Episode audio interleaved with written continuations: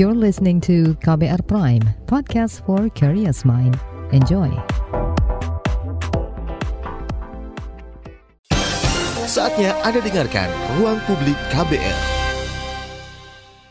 Selamat pagi saudara, kita berjumpa kembali dalam Ruang Publik KBR dengan tema pagi ini tantangan Indonesia capai target nol bersih emisi 2060. Siaran pagi ini bisa disimak di 100 radio jaringan KBR dari Aceh hingga Papua.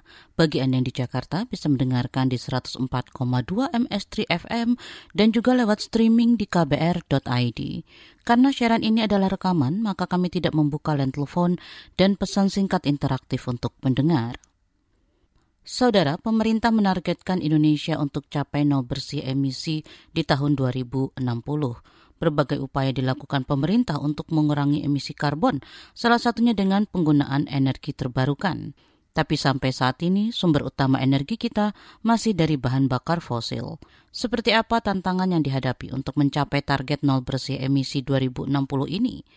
Pagi ini di ruang publik KBR akan kita simak penjelasan Deon Arinaldo, manajer program transformasi energi dari Institute for Essential Services Reform IESR. Ya, Mas Dian, pemerintah kan menargetkan akan mencapai net zero emissions atau nol bersih emisi pada 2060. Nah, boleh dijelaskan, Mas, apa sebenarnya yang dimaksud dengan nol bersih emisi ini? Net zero emission ya, atau nol bersih emisi di bahasa Indonesia-nya. Jadi ini memang istilah yang sekarang cukup sering kita dengar, namun banyak orang yang kurang paham karena ada banyak istilah-istilah serupa yang uh, punya arti mirip tapi tak serupa. Jadi kalau net zero emission sendiri uh, itu pada akhirnya mengacu pada suatu kondisi di mana emisi gas rumah kaca yang dihasilkan suatu entitas atau negara ya dalam hal ini Indonesia itu impas dengan emisi yang ditangkap gitu. Jadi pada akhirnya net zero itu uh, namanya juga bersih nol ya uh, bahwa kita tetap mengeluarkan emisi mungkin di suatu saat tertentu atau di masa depan kita tetap mengeluarkan emisi gas rumah kaca tapi ada teknologi, ada opsi-opsi yang menangkap emisi dengan jumlah serupa yang dikeluarkan oleh ke atmosfer oleh negara kita. Sehingga dicapailah uh, titik nol di tengah-tengahnya. Jadi plus dikurangin uh, yang ditangkap jadinya persis nol. Seperti itu sih. Ada beberapa istilah lain sih. Ada juga yang bilang carbon neutrality. Nah, netral karbon. Kalau netral karbon itu sebenarnya mirip dengan net zero emission, tapi fokusnya pada karbonnya. Nah, kalau Mbak Fitri tahu, karbon itu kan atau CO2 ya, karbon dioksida itu salah satu emisi gas gas rumah kaca. Nah, tapi tidak menyasar ke seluruh gas rumah kaca yang ada. Padahal kan gas rumah kaca tidak hanya karbon, walaupun memang yang paling dominan menjadi sumber uh, gas rumah kaca adalah emisi karbon, tapi ada methane ya, ada ada freon dan ada sebagainya yang juga perlu di uh, cukup besar gitu kontribusinya. Jadi nol bersih emisi ini bukan berarti kita sama sekali tidak menghasilkan emisi ya Mas ya, tetapi apa yang kita keluarkan itu berhasil ditangkap lagi. Nah, kemudian hasilnya adalah nol, begitu yang dimaksud ya? Ya, uh, jadi ini uh, tidak perlu di sektor yang sama saya rasa. Uh, kalau kita lihat di strategi pemerintah juga uh, yang dikeluarkan oleh Kementerian KLHK ya uh, di long term strateginya itu terlihat bahwa strategi Indonesia untuk mencapai net zero di 2060 atau lebih awal itu adalah membuat sektor land use itu sebagai negatif uh, emission sector gitu. Jadi banyak karbonnya, karbon sinknya ada di uh, penyerapan karbonnya ada di uh, sektor lahan dan uh, hutan.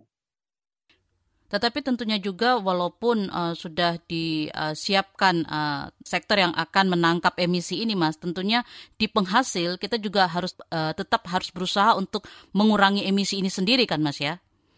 Oh iya, tentu saja. Jadi memang usahanya itu harus bahkan harus dimulai dari uh, saat ini juga ya, kalau memang mencapai target yang sekarang 2060.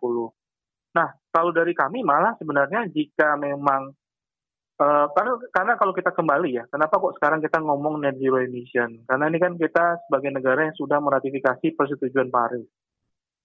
Persetujuan Paris itu apa? Uh, ini adalah uh, hasil dari konvensi negara-negara dunia ya, yang sudah mengakui bahwa krisis iklim itu benar adanya dan butuh usaha bersama untuk uh, mencegah terjadinya krisis tersebut.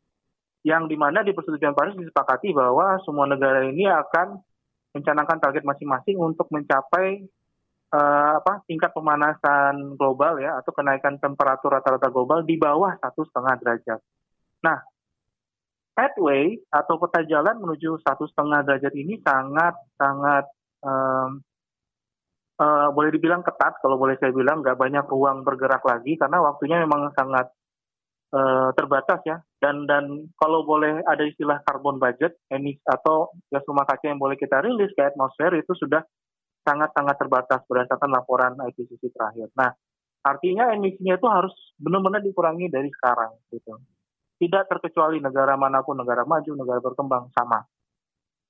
Terkait hal ini kan Menteri Energi dan Sumber Daya Mineral ESDM Arifin Tasrif uh, pernah menyebutkan bahwa dalam uh, mencapai nol bersih emisi ini ada dua tantangannya Mas, yaitu uh, teknologi dan juga uh, uh, pendanaan begitu. Nah, kok dalam pandangan Anda sendiri seperti apa tantangan ini, Mas? Ya, uh, saya rasa juga uh, ya sama ya. Kalau kita ngomong khusus sektor energi, karena ini kan Kementerian Energi ya. Sektor energi memang yang paling besar juga boleh dibilang tantangannya. Kenapa? Karena walaupun emisinya sekarang mungkin masih setara ya atau bahkan mungkin lebih kecil dari sektor lahan, tapi sektor energi ini yang terus tumbuh ke depannya karena kan kebutuhan kita sebagai negara berkembang menuju negara yang lebih maju, ada industrialisasi dan sebagainya. Cenderung energi ini konsumsinya lebih tinggi per kapitanya dan juga dengan pertumbuhan penduduk yang terus tumbuh, maka emisi ini proyeksinya akan terus uh, naik bahkan cenderung eksponensial kalau kita tidak melakukan apa-apa menuju 2030. Nah, makanya kalau kita lihat dari target NDC ya atau National Development Contribution-nya Indonesia atau boleh dibilang kebijakan iklimnya Indonesia itu untuk sektor energi uh, penurunannya hanya uh, hanya sekitar berapa ya 25-30 persen ya kalau saya tidak salah ada dibandingkan dengan kondisi bisnis as usual. Nah kondisi bisnis as usual ini kalau diperhatikan baik-baik emisinya itu sebenarnya empat kali lipat dibandingkan emisi level di tahun 2010 gitu. Jadi penurunan 25-30 persen itu masih me indikasikan ada kenaikan emisi yang dibolehkan di kebijakan target iklim kita di menuju 2030. Nah, eh, lagi-lagi mungkin karena sektor energi paling besar eh, emisinya di 2030, maka peluangnya juga, jadi selain challenge ya, saya juga melihat ini sebagai peluang untuk meningkatkan level ambisi Indonesia dalam menurunkan emisi gas rumah kaca ini juga paling besarnya di sektor energi kuncinya lagi-lagi memang salah uh, salah duanya seperti yang tadi disebutkan teknologi dan investasi. Pada dasarnya uh, kita sudah ada teknologi opsi teknologinya ya untuk sektor energi sudah cukup jelas untuk memitigasi emisi gas rumah kaca ini ya. Yang keroknya ya, ya penggunaan bahan bakar fosil. Jadi ya teknologinya bagaimana mengalihkan dari sekarang basisnya fosil menjadi basis yang energi yang lebih sustainable atau energi terbarukan ya. Tapi kalau Anda melihat Mas target 2060 ini apakah satu target yang ambisius atau sebenarnya uh, bisa dicapai Mas oleh pemerintah, tapi dengan kondisi yang uh, mungkin saat ini uh, mulai ada perbaikan di berbagai program yang uh, dibuat oleh pemerintah. Ya, kalau kalau kita lihat memang ketika awal disebutkan targetnya zero emission itu kan 2070 ya, ketika tahun lalu 2021 disampaikan oleh Kementerian LHK. Namun memang perkembangannya akhirnya pemerintah lebih eh, meningkatkan ambisinya jadi 2060 atau lebih awal. Nah, kebetulan ISR sendiri juga sudah melakukan kajian ya, eh, khusus untuk sektor energi, bagaimana sektor energi bisa bertransformasi mencapai sektor sistem energi yang benar-benar bebas emisi gitu. Dan itu kita ngomongnya bukan net zero tapi zero emission. Tidak ada emisi yang perlu ditangkap, tapi memang emisi yang dikeluarkan itu sudah nol gitu. Nah ini bisa dicapai bahkan di 2050 berdasarkan studi dan pemodelan yang ia lakukan bekerja sama dengan uh, Lund University dari Finlandia dan juga Agora Energy Wende think tank di Jerman. Ini publikasinya baru kita rilis tahun kemarin. Dan ini terus kita sampaikan uh, kepada Eh, pihak-pihak pemangku kepentingan terkait ya. Boleh diceritakan secara sederhana mas, seperti apa pemodelan yang dilakukan oleh teman-teman sehingga target yang uh, pemerintah punya di 2060 ini kalau dalam pemodelan teman-teman bisa sebenarnya 10 tahun lebih awal mas? Iya benar. Jadi memang uh, pemodelan kami fokus ke supply dan balance ya, supply dan demand dari sistem energi keseluruhan. Jadi kita nggak ngomong pembangkit listrik aja, tapi juga bagaimana energi itu dipakai di sektor transportasi, di sektor industri dan sebagainya, dan sektor gedung juga tentunya. Nah, uh, pemodelannya fokusnya memang melihat mencoba meminimalkan biaya dari transformasi itu ya uh, seminimal mungkin, tidak melihat kondisi apa kondisi hambatan regulasi politikal itu kita tidak melihat, kita praktis melihatnya dari sisi sederhananya teknis dan ekonomisnya apakah mungkin seperti itu. Nah, uh, sini kita mulai basicnya kalau saya tidak salah ya dasar pemodelannya dari 2015 kita modelkan 2020 per lima tahun 2020, 25, 30 sampai 50. Nah, kita dapat tuh perubahannya sistem energi di setiap sektor itu seperti apa dalam jangka per lima tahun dari sekarang sampai 2050. Dan uh, memang transformasinya dimulai di sektor ketenaga listrikan, listrikan ya, sebagai supply energi ya, sektor yang menyuplai energi, di mana memang peluang terbesarnya adalah peralihan dari energi fosil sekarang, pembangkit listrik, tenaga uap, tenaga gas, tenaga diesel, dialihkan jadi pembangkit listrik tenaga energi terbarukan. Di sini ada kombinasi tentunya berbagai teknologi. Dari pemodelan kami yang cukup menonjol itu adalah surya yang pertama, LTS ya. Uh, disusul sama geothermal dan uh, panas bumi maksud saya dan juga air gitu. Jadi itu tiga yang dominan.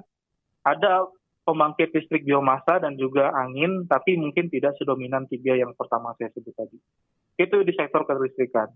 Di transportasi juga ada transformasinya dari sekarang berbahan bakar uh, minyak ya beralih ke listrik gitu. Nah ini uh, tertolongnya uh, emisi gas di gas rumah kaca di transportasi adalah karena di saat yang bersamaan listrik yang dihasilkan juga sudah beralih dari yang sebelumnya dominasi PLTU batubara itu beralih ke energi terbarukan. Sehingga otomatis ketika kita mengisi kendaraan listrik kita dengan listrik itu listriknya sudah bersumber dari uh, listrik yang uh, boleh dibilang bebas emisi. Begitu juga dengan sektor industri, kita melihat peralihan dari yang sebelumnya teknologi panasnya ya, uh, itu yang untuk skala panas yang tidak terlalu tinggi juga beralih ke listrik gitu. Jadi ada heater, boiler, dan mungkin heat pump juga yang uh, sebelum berbasis minyak betul juga beralih ke listrik. Ini terjadi bersamaan dari 2000 sekarang sampai 2030 sudah uh, mulai transformasinya. Sederhananya seperti itu. Tetapi kalau Anda lihat kan pemodelannya tadi hanya fokus pada teknisnya saja ya Mas ya tidak melihat situasi eh, terutama uh, politiknya begitu ya. Tetapi kalau Anda lihat seberapa besar sebenarnya uh, situasi politik ini mempengaruhi kebijakan-kebijakan ini Mas?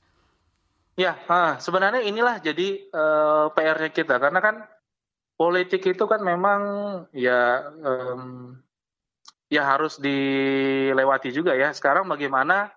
Sekarang prosesnya harus dilewati mau nggak mau gitu. Sekarang bagaimana menggunakan ini hasil ini sebagai dasar kita dalam uh, memajukan suatu kebijakan yang memang pro ini ya. Pastinya akan ada penyesuaian dan apa dalam proses uh, apa ya uh, proses dalam menyusun kebijakan dan regulasinya. Tapi saya rasa tidak bisa dipungkiri itu adalah hasilnya dalam jangka panjang uh, ini akan lebih ekonomis dan juga sangat visible dari segi teknologi. Itu itu adalah suatu fakta yang tidak bisa kita sanggah sebenarnya gitu. Jadi uh, dari sini dasar untuk mendorong kebijakannya sudah mulai lebih baik pastinya. Nah kalau hambatannya itu pasti memang akan banyak ya. Uh, pada dasarnya kan kita semua sistem nggak peduli sistem energi atau sistem apa pun atau ya pastinya akan sulit untuk berubah karena kan perubahan itu paling tidak membuat ketidaknyamanan lah bagi banyak orang gitu. Jadi itu itu pasti sudah ada resistensinya uh, dan kita melihat ini funnelingnya ke kebijakan arah yang mana gitu ya. Pada dasarnya ini 2050 kita sudah sampaikan itu mungkin ekonomis. Nah sekarang ini dari sebelumnya 2070 udah geser 2060 atau lebih awal. Artinya ada peluang nih untuk bisa digeser lebih awal lagi kan eh, menuju 2050. Jangan ke mana-mana, tetap di ruang publik KBR. Masih Anda dengarkan ruang publik KBR. Commercial break. Commercial break.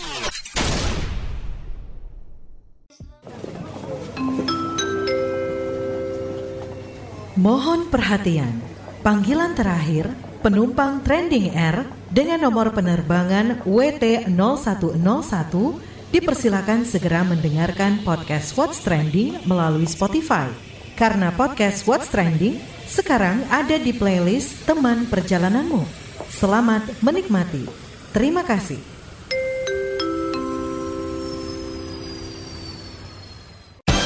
Masih Anda dengarkan Ruang Publik KBR.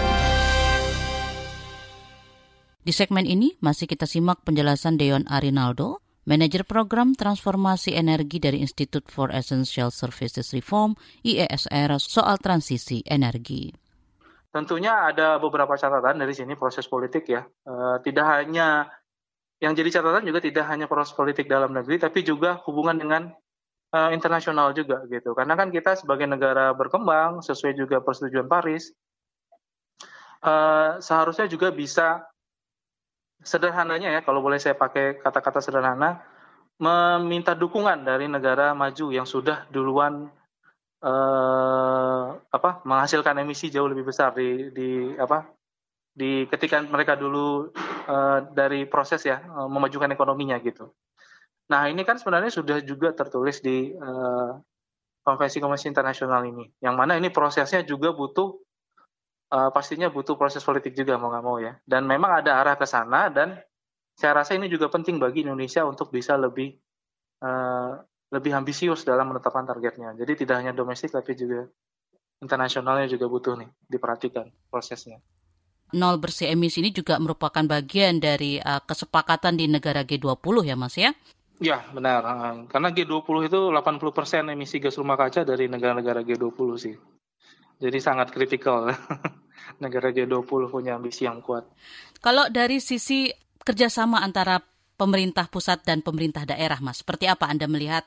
Kemudian ini, apakah Anda sudah melihat ada uh, kinerja yang baik dalam hal uh, upaya untuk pengurangan emisi ini uh, di daerah, Mas? Ya, saya rasa ini masing-masing ada perannya. Uh, jadi ada tempatnya untuk bermain ya. Pemerintah daerah kan juga punya otorisasi ya untuk beberapa kebijakan dan regulasi yang saya rasa bisa dimanfaatkan untuk memberikan semacam insentif atau pool strategi dan push strategi untuk mendorong peralihan atau transformasi sistem ini sendiri gitu. Sederhananya misalnya untuk uh, untuk di gedung aja kan PBB pajak bumi dan bangunan kan ini dari uh, yurisdiksinya pemerintah daerah. Ini kan bisa jadi instrumen yang bisa untuk menarik uh, misalnya gedung-gedung untuk agar lebih memperhatikan emisi gas rumah kacanya. Bisa dengan penggunaan energinya, bisa dengan juga memperhatikan uh, desain gedungnya dan sebagainya. Ini instrumen-instrumen yang bisa dilakukan oleh pemerintah daerah. Pemerintah nasional pun sendiri saya rasa sebagai ini ya, uh, sebagai memberikan peta jalan yang jelas ya, harus itu pertama perannya. Dan yang kedua adalah memberikan uh, dukungan tentunya ke pemerintah daerah, terutama untuk Eh, daerah-daerah yang mungkin akan lebih banyak butuh dukungan. Jadi kalau kalau kita lihat sejauh ini, misalnya ya, ISR sendiri sekarang kan sedang membantu pemerintah Jawa Tengah. Kalau kita lihat pemerintah Jawa Tengah itu punya kapasitas dan juga eh, sederhananya APBD-nya juga bisa eh, di ini loh apa di disesuaikan untuk mendukung proses transisi ini. Tapi ini kan tidak sama di tiap daerah ya. Saya rasa ini butuh peran pemerintah nasional untuk bisa menyeimbangkan proses ini agar terjadi merata dan uh, menyeluruh lah atau berkeadilan juga eh, di seluruh Indonesia. Seperti itu sih.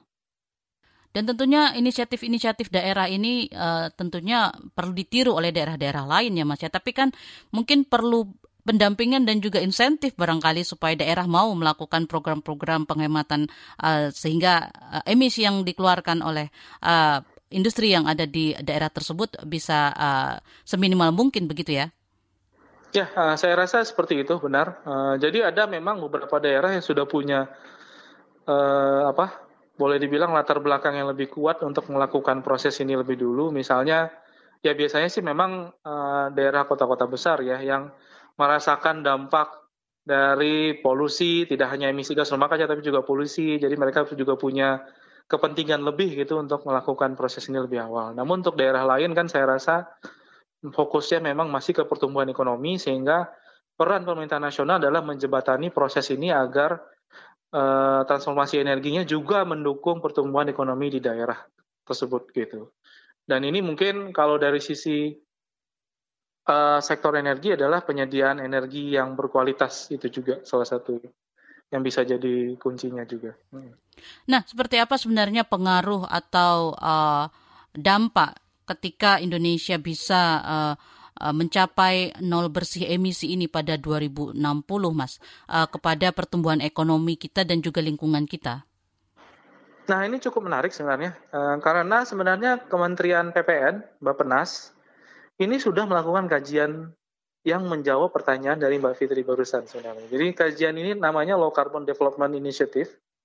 Mereka sudah mempublikasi beberapa kajian terkait ini ya. Sebelumnya di 2019, 2021 juga sudah diperbarui kalau saya tidak salah.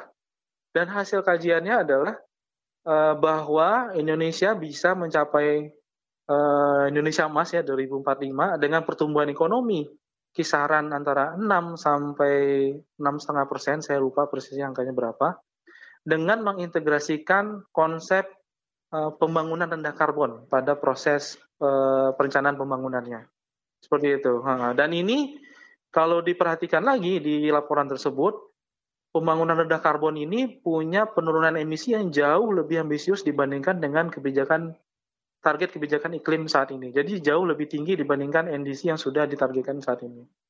Sehingga sebenarnya dari kesimpulan studi itu bisa dibilang bahwa ya tidak ada alasan bagi Indonesia untuk tidak mengintegrasikan pembangunan rendah karbon itu ya. Selain tadi emisinya bisa lebih ambisius, ternyata ekonominya juga uh, punya potensi untuk tumbuh lebih uh, sustainable dan lebih tinggi bahkan dibandingkan dengan uh, skenario bisnis as usual yang saya kalau, saya tidak salah sekitar 4 persenan gitu pertumbuhan ekonominya di tahun 2040 ke atas gitu.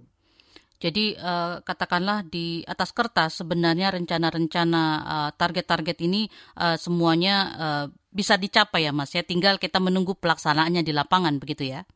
Ya benar, benar sekali. Jadi sebenarnya sudah banyak studi kajian yang dilakukan dari sudut pandang ekonomi, sudut pandang kesiapan teknologi, investasi yang dibutuhkan. Nah, sekarang tinggal implementasinya. Nah, ini butuh tentunya dimulai dari kebijakan yang kuat ya, jangka panjang gitu, yang melihat ini sebagai karena kan proses ini akan terjadi dalam waktu dekade ya, bisa dua tiga dekade gitu, sehingga perlu dasar hukum yang kuat yang forward looking, yang melihatnya cukup jauh sampai 2050, bahkan 60 bahkan lebih lagi gitu.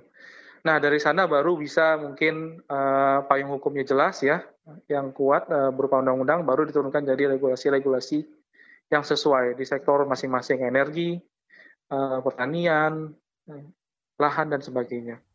Kita kan uh, saat ini sedang sudah memasuki uh, tahun politik ya Mas ya untuk menuju pemilu 2024. Nah, seperti apa uh, situasi ini kemudian mempengaruhi kebijakan sekiranya bisa memenuhi target nol bersih emisi pada 2060 nanti Mas?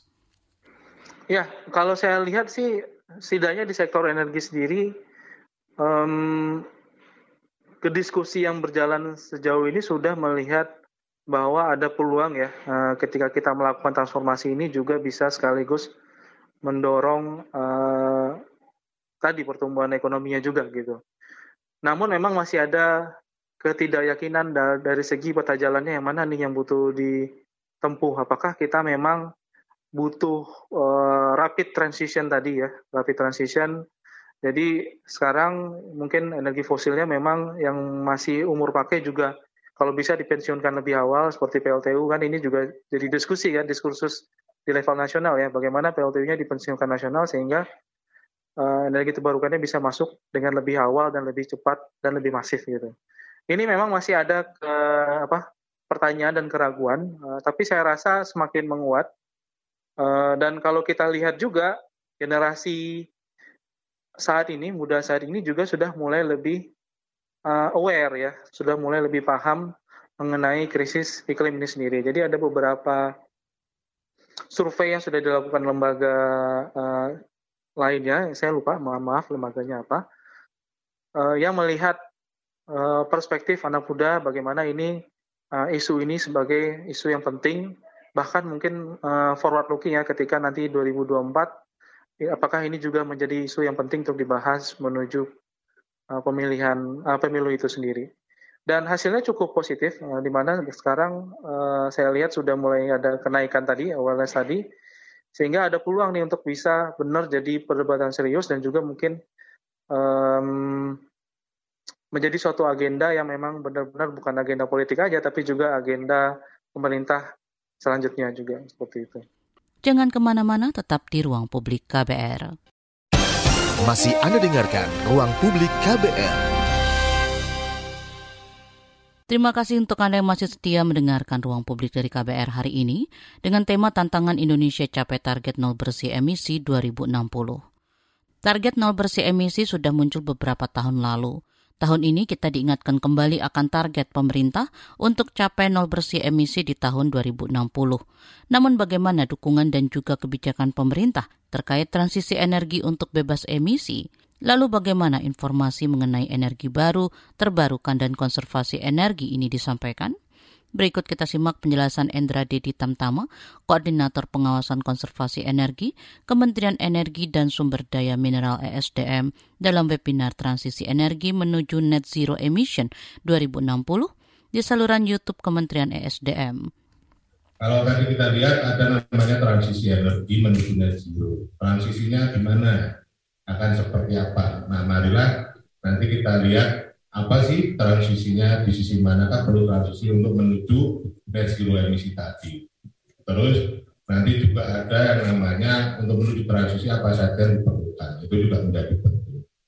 Nah ini tiga pembahasan yang akan saya sampaikan yaitu capaian pemanfaatan EBT dalam bauran energi nasional, kemudian peluangan kemudahan investasi subsektor EBT, dan layanan informasi EBTK.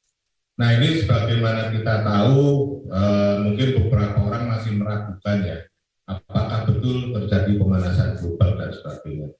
Namun kalau kita melihat fakta-fakta kondisi sekarang ini, bagaimana kita tahu di sini ada eh, beberapa hal ataupun kejadian yang telah terjadi. Di sini ada 46 wilayah Indonesia mengalami musim kemarau yang lebih lama. Kemudian kemarau panjang mengakibatkan produksi turun.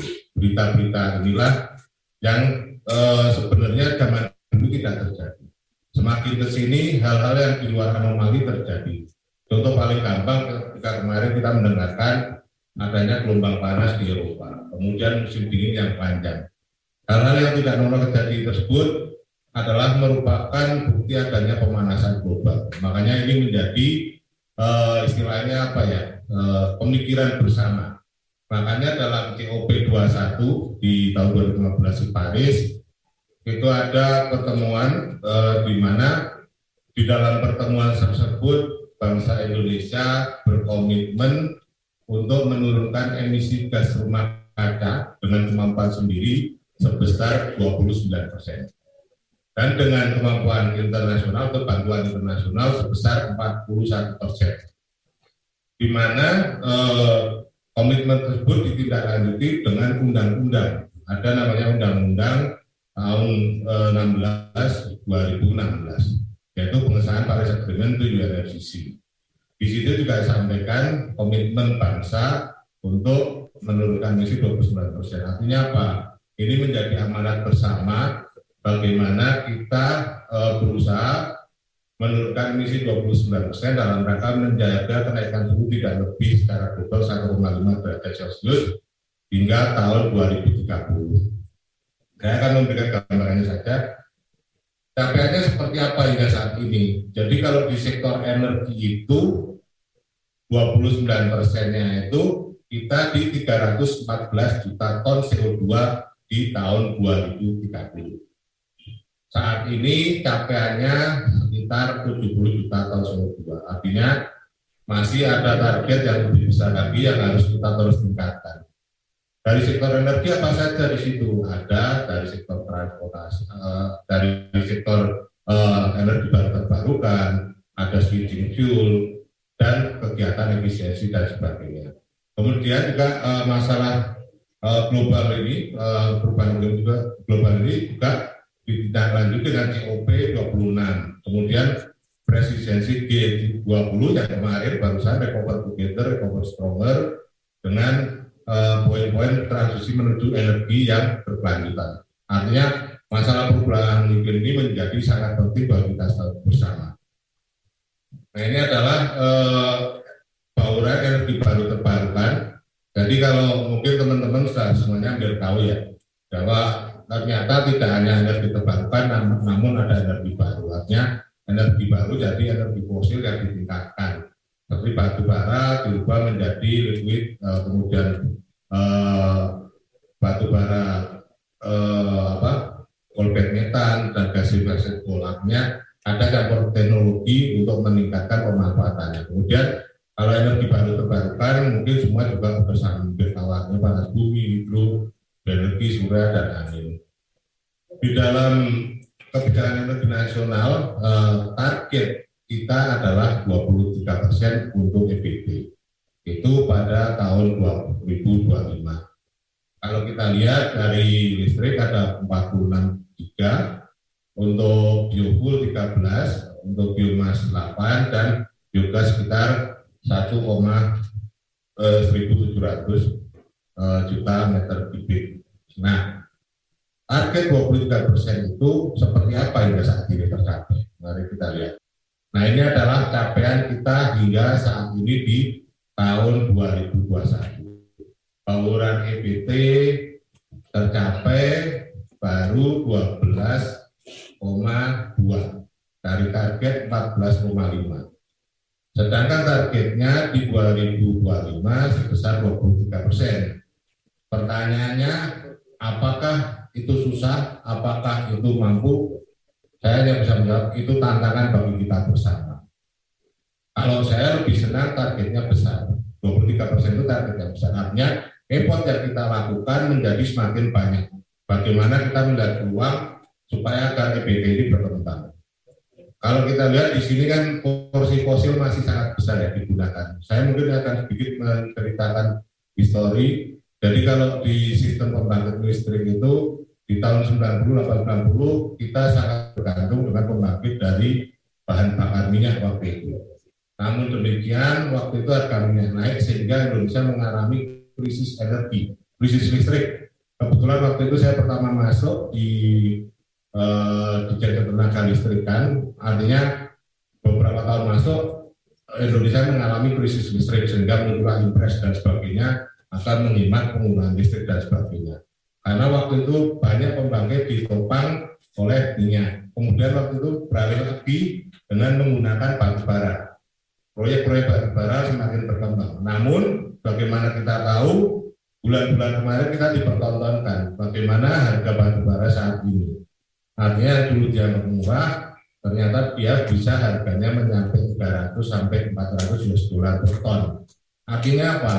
Selama kita bergantung dengan barang komoditas atau yang bisa di market, hal seperti itu akan terjadi. Makanya mindset untuk shifting kepada energi terbarukan menjadi sangat penting, eh, Bapak Ibu sekalian. Artinya EBT kan ngambil boleh panas bumi nggak mungkin kan ekspor ke Amerika atau apa pun. Artinya EBT itu menggunakan energi setempat. Itulah yang menjadi sangat penting. Artinya kita tidak bergantung dengan harga pasar dan atau apa pun. Sehingga ketahanan energi kita menjadi terjaga. Artinya apa? Bahwa ke depannya ini akan menjadi sangat penting. Makanya target 23 tadi, saya rasa kalau kita upayakan bersama, paling tidak kita bisa mencapai target tersebut. Nah ini kalau kita lihat strateginya berbagai macam, jadi ada pembangunan PLT EBT on grid, kemudian PLTS atap, kemudian konversi ke PLTB ke PLTBT, dan mandatori B30, kemudian co-firing, co-firing ini menggabungkan antara batu bara dan e, biomasa ataupun pelet ataupun wujud dan sebagainya. Kemudian eksplorasi panas bumi dan implementasi. Bagaimana program pendukungnya? Jadi hal di sini dijelaskan retirement PLTU. Jadi targetnya tidak ada pembangunan PLTU mulai 2026. Jadi mulai tahun 2026 PLTU sudah tidak dibangun lagi diharapkan. Sehingga yang PLTU sudah COD dengan masa operasi 40 tahun dan sebagainya, tinggal menunggu durasi masa operasinya. ketika dia berhenti dia tidak akan uh, dilanjutkan kembali operasi. Uh, peningkatan infrastruktur yaitu melalui smart grid. Smart grid ini harapannya semakin banyak nanti berbagai macam variasi pembangkit sehingga uh, mampu menjembatani semua pembangkit itu dalam satu sistem. Artinya di situ ada IOT lah, internet optik untuk berfungsi mengatur semua uh, berbagai macam kombinasi tadi. Nah ini peta jalan transisi energi. Seperti yang saya sampaikan lagi, bagaimana menuju net zero? Ada dua hal. Di sini dari sisi supply, dan kedua adalah sisi demand. Dan di sini kalau kita lihat adalah dari sisi supply-nya. Targetnya yaitu di sini kan ada 2025 eh, sekitar 230 juta ton CO2 emisi yang direduksi melalui pemanfaatan PLTS atap. Nah ini PLTS atap ini juga ada regulasinya, artinya diharapkan semakin sana semakin berkembang. Kemudian percepatan waste energi, pemanfaatan sampah-sampah dan sebagainya menjadi energi. Kemudian penambahan PLTS biomas skala kecil, PLTU, dan penambahan pembangkit listrik tenaga air. Kemudian di sini eh, di 2030 ada tambahan pembangkit, kemudian pump storage. Jadi pump storage itu kalau mungkin Bapak Ibu sedikit saya menjelaskan itu seperti apa cisokan. Jadinya ketika siang hari menggunakan pompa untuk pompa ke dalam waduk ketika load beban naik di malam harinya tadi dilepaskan artinya ketika load e, harga listrik itu lebih tinggi dia dilepaskan untuk menambah tambahan suplai daya kemudian di 2035 ada green hydrogen battery energy storage system BESS jadi kalau selama ini kita e, menggunakan PLTS dan sebagainya tidak menggunakan baterai karena baterai itu uh, salah satu komponen yang uh, cukup mahal. Namun demikian kalau kita tahu namanya teknologi semakin tahun dia akan semakin murah. Dan sebagaimana kita tahu di mobil listrik juga sama, baterai menjadi salah satu uh, harga terbesar. Makanya harapan ketika banyak investor yang mulai masuk, sebagaimana kita tahu di industri apa, ada beberapa pabrikan baterai masuk. Sehingga diharapkan tahun-tahun ke depan juga harga baterai ini semakin murah sehingga bisa nantinya menopang sistem ketenaga listrikan yang ada di kita. Kemudian penggunaan nuklir untuk ketenaga listrikan, eh, pengembangan variable renewable, kemudian green hydrogen untuk menggantikan gas alam, kemudian energi primer lebih tinggi dari total energi berbasis, kemudian di 2060 stop penggunaan gas untuk ketenaga listrikan. Nah, ini di 2060 diharapkan tadi apa yang menjadi tujuan net zero dapat tercapai. Masih Anda dengarkan Ruang Publik KBR. Commercial break. Commercial break.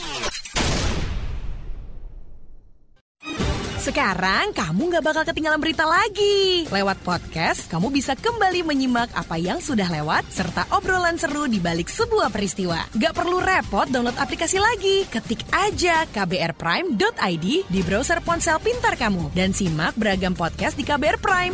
Mulai rangkuman berita hingga cerita. KBR Trending, Ruang Publik, Love Bus, Disco, Diskusi Psikologi, Parbada, Ngulas Film, Lika-Liku Mancanegara, Cek Fakta, dan masih banyak lagi. Jadi waktu pas saya mau bunuh diri itu halusinasi saya bilang mati aja buruan sampah katanya mau mati. Teman-teman juga ada pada tahu sih I'm gay. Tapi mereka fine-fine aja sih selama kita baik mereka welcome kok. KBR Prime menemani aktivitas harianmu yang padat dengan beragam informasi dan obrolan seru. Kapan saja dan di mana saja. Temukan juga podcast KBR Prime di aplikasi podcast lainnya. KBR Prime, cara asik mendengar berita. KBR Prime, podcast for curious mind. Masih Anda dengarkan Ruang Publik KBR.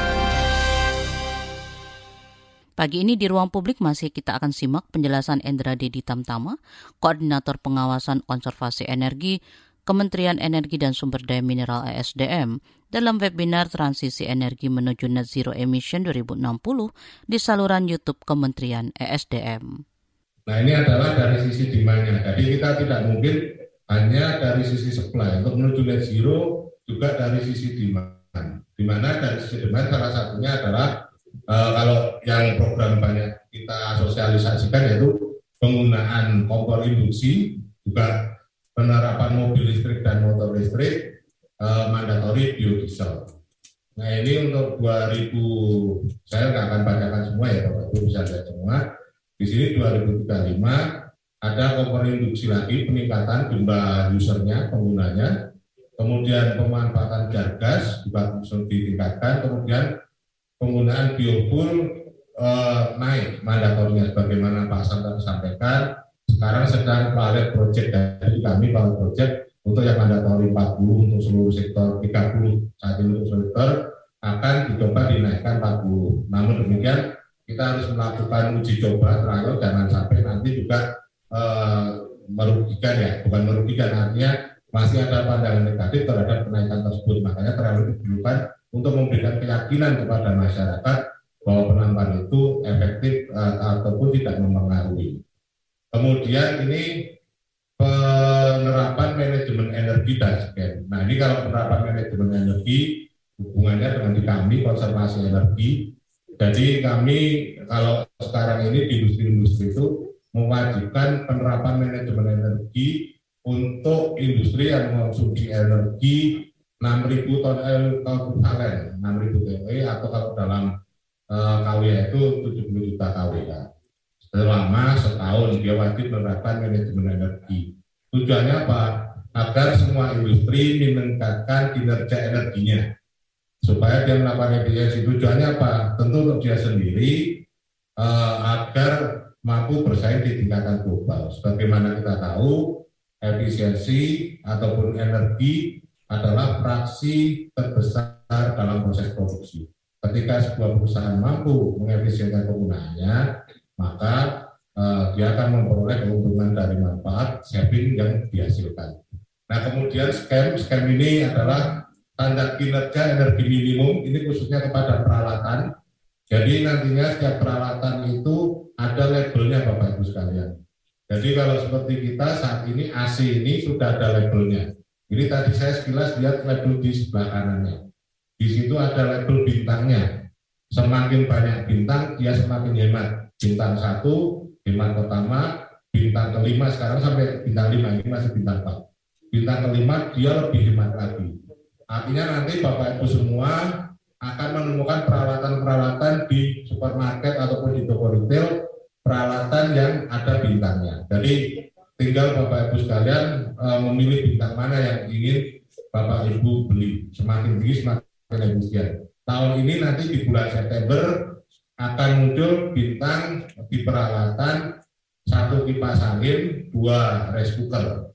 Nanti tahun depan ada uh, washing machine, refrigerator dan sebagainya. Artinya sampai dengan uh, semua peralatan yang kita targetkan. Nah ini kalau kita lihat pengembangan pada RUPTL PLN Persero artinya ini sejalan bagaimana disampaikan tadi artinya eh, perubahan ini ditargetkan 51 persen ya dari total artinya arah pengembangan EBT juga semakin besar dan ini tentu sangat baik harapannya ini nantinya terlaksana semua Bapak Ibu semua. Artinya apa yang ada dalam dokumen bisa diimplementasikan sehingga capaian program itu tadi bisa uh, bertambah terus. Nah kalau kita lihat di sini kan ada panas bumi, PLTA, PLTB, kemudian PLT EBT BIS dan PLT EBT BITER. Jadi kalau apa sih ini PLT EBT dan PLT EBT BITER dan sebagainya. Jadi kalau dalam sistem ketenaga listrikan dalam pola operasinya ada namanya base load, medium load, dan peak load. Jadi untuk memenuhi pesan beban dasar biasanya uh, perusahaan menyuplai listriknya dari pembangkit-pembangkit yang termurah. Nah, ketika beban puncak terjadi, industri dan masyarakat menggunakan listrik semuanya bersama-sama, maka dia akan naik menjadi beban puncak. Nah, beban puncak ini biasanya disuplai dari pembangkit-pembangkit yang berbiaya mahal, Bapak Ibu sekalian. Dan yang kedua adalah mampu langsung masuk ke sistem secara secara merta. Artinya apa? Ketika terjadi big load dan ada satu sistem yang mati dari pembangkit, maka harus ada pembangkit penggantinya yang bisa langsung masuk tanpa ada memerlukan waktu dalam artian dia langsung sinkron masuk ke sistem sehingga tidak terjadi blackout bapak ibu sekalian. Nah ini adalah peluang investasi EBT. Jadi di sini ada PLT Surya Atap, penambahan kapasitas, juga membutuhkan investasi 3 miliar US dollar, kemudian ada surya skala besar membutuhkan investasi 32 miliar US dollar, PLT air, PLT BTB saya sampaikan tadi, PLT panas bumi, bioenergi, bayu, dan PLT bugar ataupun dari baterai base seperti tadi. Nah, tentunya investasi-investasi besar ini kita tidak pemerintah tidak bisa sendiri, butuh peran serta swasta ataupun investor. Nah ini adalah layanan informasi yang ada di kita di Dijen BDKE. Jadi di kami eh, sama hampir semua KSDM juga ada layanan perizinan online. Kemudian layanan permohonan informasi. Jadi kalau kami layanan informasi dan investasi tempatnya Pak Jackson ini di sini di kami eh, di lintas. Artinya itu seperti workshop inilah untuk mendapatkan informasi ataupun investasi. Juga konsultan tatap muka eh, terkait perizinan dengan perjanjian terdahulu, kemudian layanan pengaduan masyarakat, layanan permohonan data, dan lain pengadaan infrastruktur PJU, TSPJ, TSU, penanganan jalan umum, tenaga surya. Nah ini adalah gambaran saja timeline bagaimana pengembangan lintas yang ada di kami serta eh, pemohon yang yang telah melakukan permohonan. Artinya jumlahnya masih uh, naik turun jadi ada 640 di tahun di 2001 598 dan saat ini sudah 456. Pengembangannya sendiri dimulai kebetulan ini lintas ini adalah dulu di saya ya Pak. Saya dulu di bagian informasi BPTKE ini dikira di 2016. Semakin lama dilakukan improvement hingga sampai 2022. Jadi uh, kita telah uh, harus selalu tidak merasa puas, artinya ada upgrading yang dilakukan untuk memberikan pelayanan terbaik kepada masyarakat. Nah ini adalah akses website, artinya eh, baik yang fisik datang langsung ataupun melalui online system. Saya rasa kondisi sekarang tidak mungkin kalau kementerian ataupun lembaga tidak memiliki sistem online. Karena apa? masyarakat sudah terbiasa dengan internet of things, baik yang menengah, bawah ataupun atas. Sekarang ini penggunaan teknologi sudah menjadi hal yang familiar karena semua hampir bisa mengakses Bapak Ibu sekalian. Makanya hal terpenting untuk e, mengurangi benturan kepentingan ya. Kalau kita kan berlomba-lomba sekarang untuk menuju uh, zona integritas BPK BBBN. Artinya penggunaan online system menjadi sangat penting untuk mengurangi tadi benturan kepentingan karena bertemu langsung langsung dengan pemberi izin ataupun uh, pelaku usahanya. Dengan online system menjadi orang lebih mudah mengakses. Namun demikian juga harus ada kepastian. Artinya apa? Ketika pemberian izin ada berapa durasinya, itu juga harus Jangan sampai memasukkan dokumen tapi didiamkan seperti tadi yang saya katakan tadi. Artinya di situ juga ada SOP berapa setiap step pelaksana itu ada durasi waktunya dan itu memang di kami sendiri sudah diterapkan. Artinya kalau pengajuan akan dibatasi berapa hari, berapa hari. Sehingga orang itu dalam mengajukan punya kejelasan, jangan sampai menunggu. Nah tugasnya kita ya cukup repot, artinya tiap serta merta tiap hari ya harus melototin, jangan sampai nanti terlupa karena kita sibuk sendiri terus kita lupa dia perizinan itu kita diamkan nah itu menjadi sangat penting Bapak Ibu sekalian akan memberikan pelayanan yang optimal ke masyarakat demikian Ruang Publik KBR hari ini dengan tema tantangan Indonesia capai target nol bersih emisi 2060. Terima kasih untuk kebersamaan Anda di pagi ini. Saya Fitri Anggreni undur diri. Salam. Baru saja Anda dengarkan Ruang Publik KBR. KBR Prime, cara asik mendengar berita. KBR Prime, podcast for curious mind.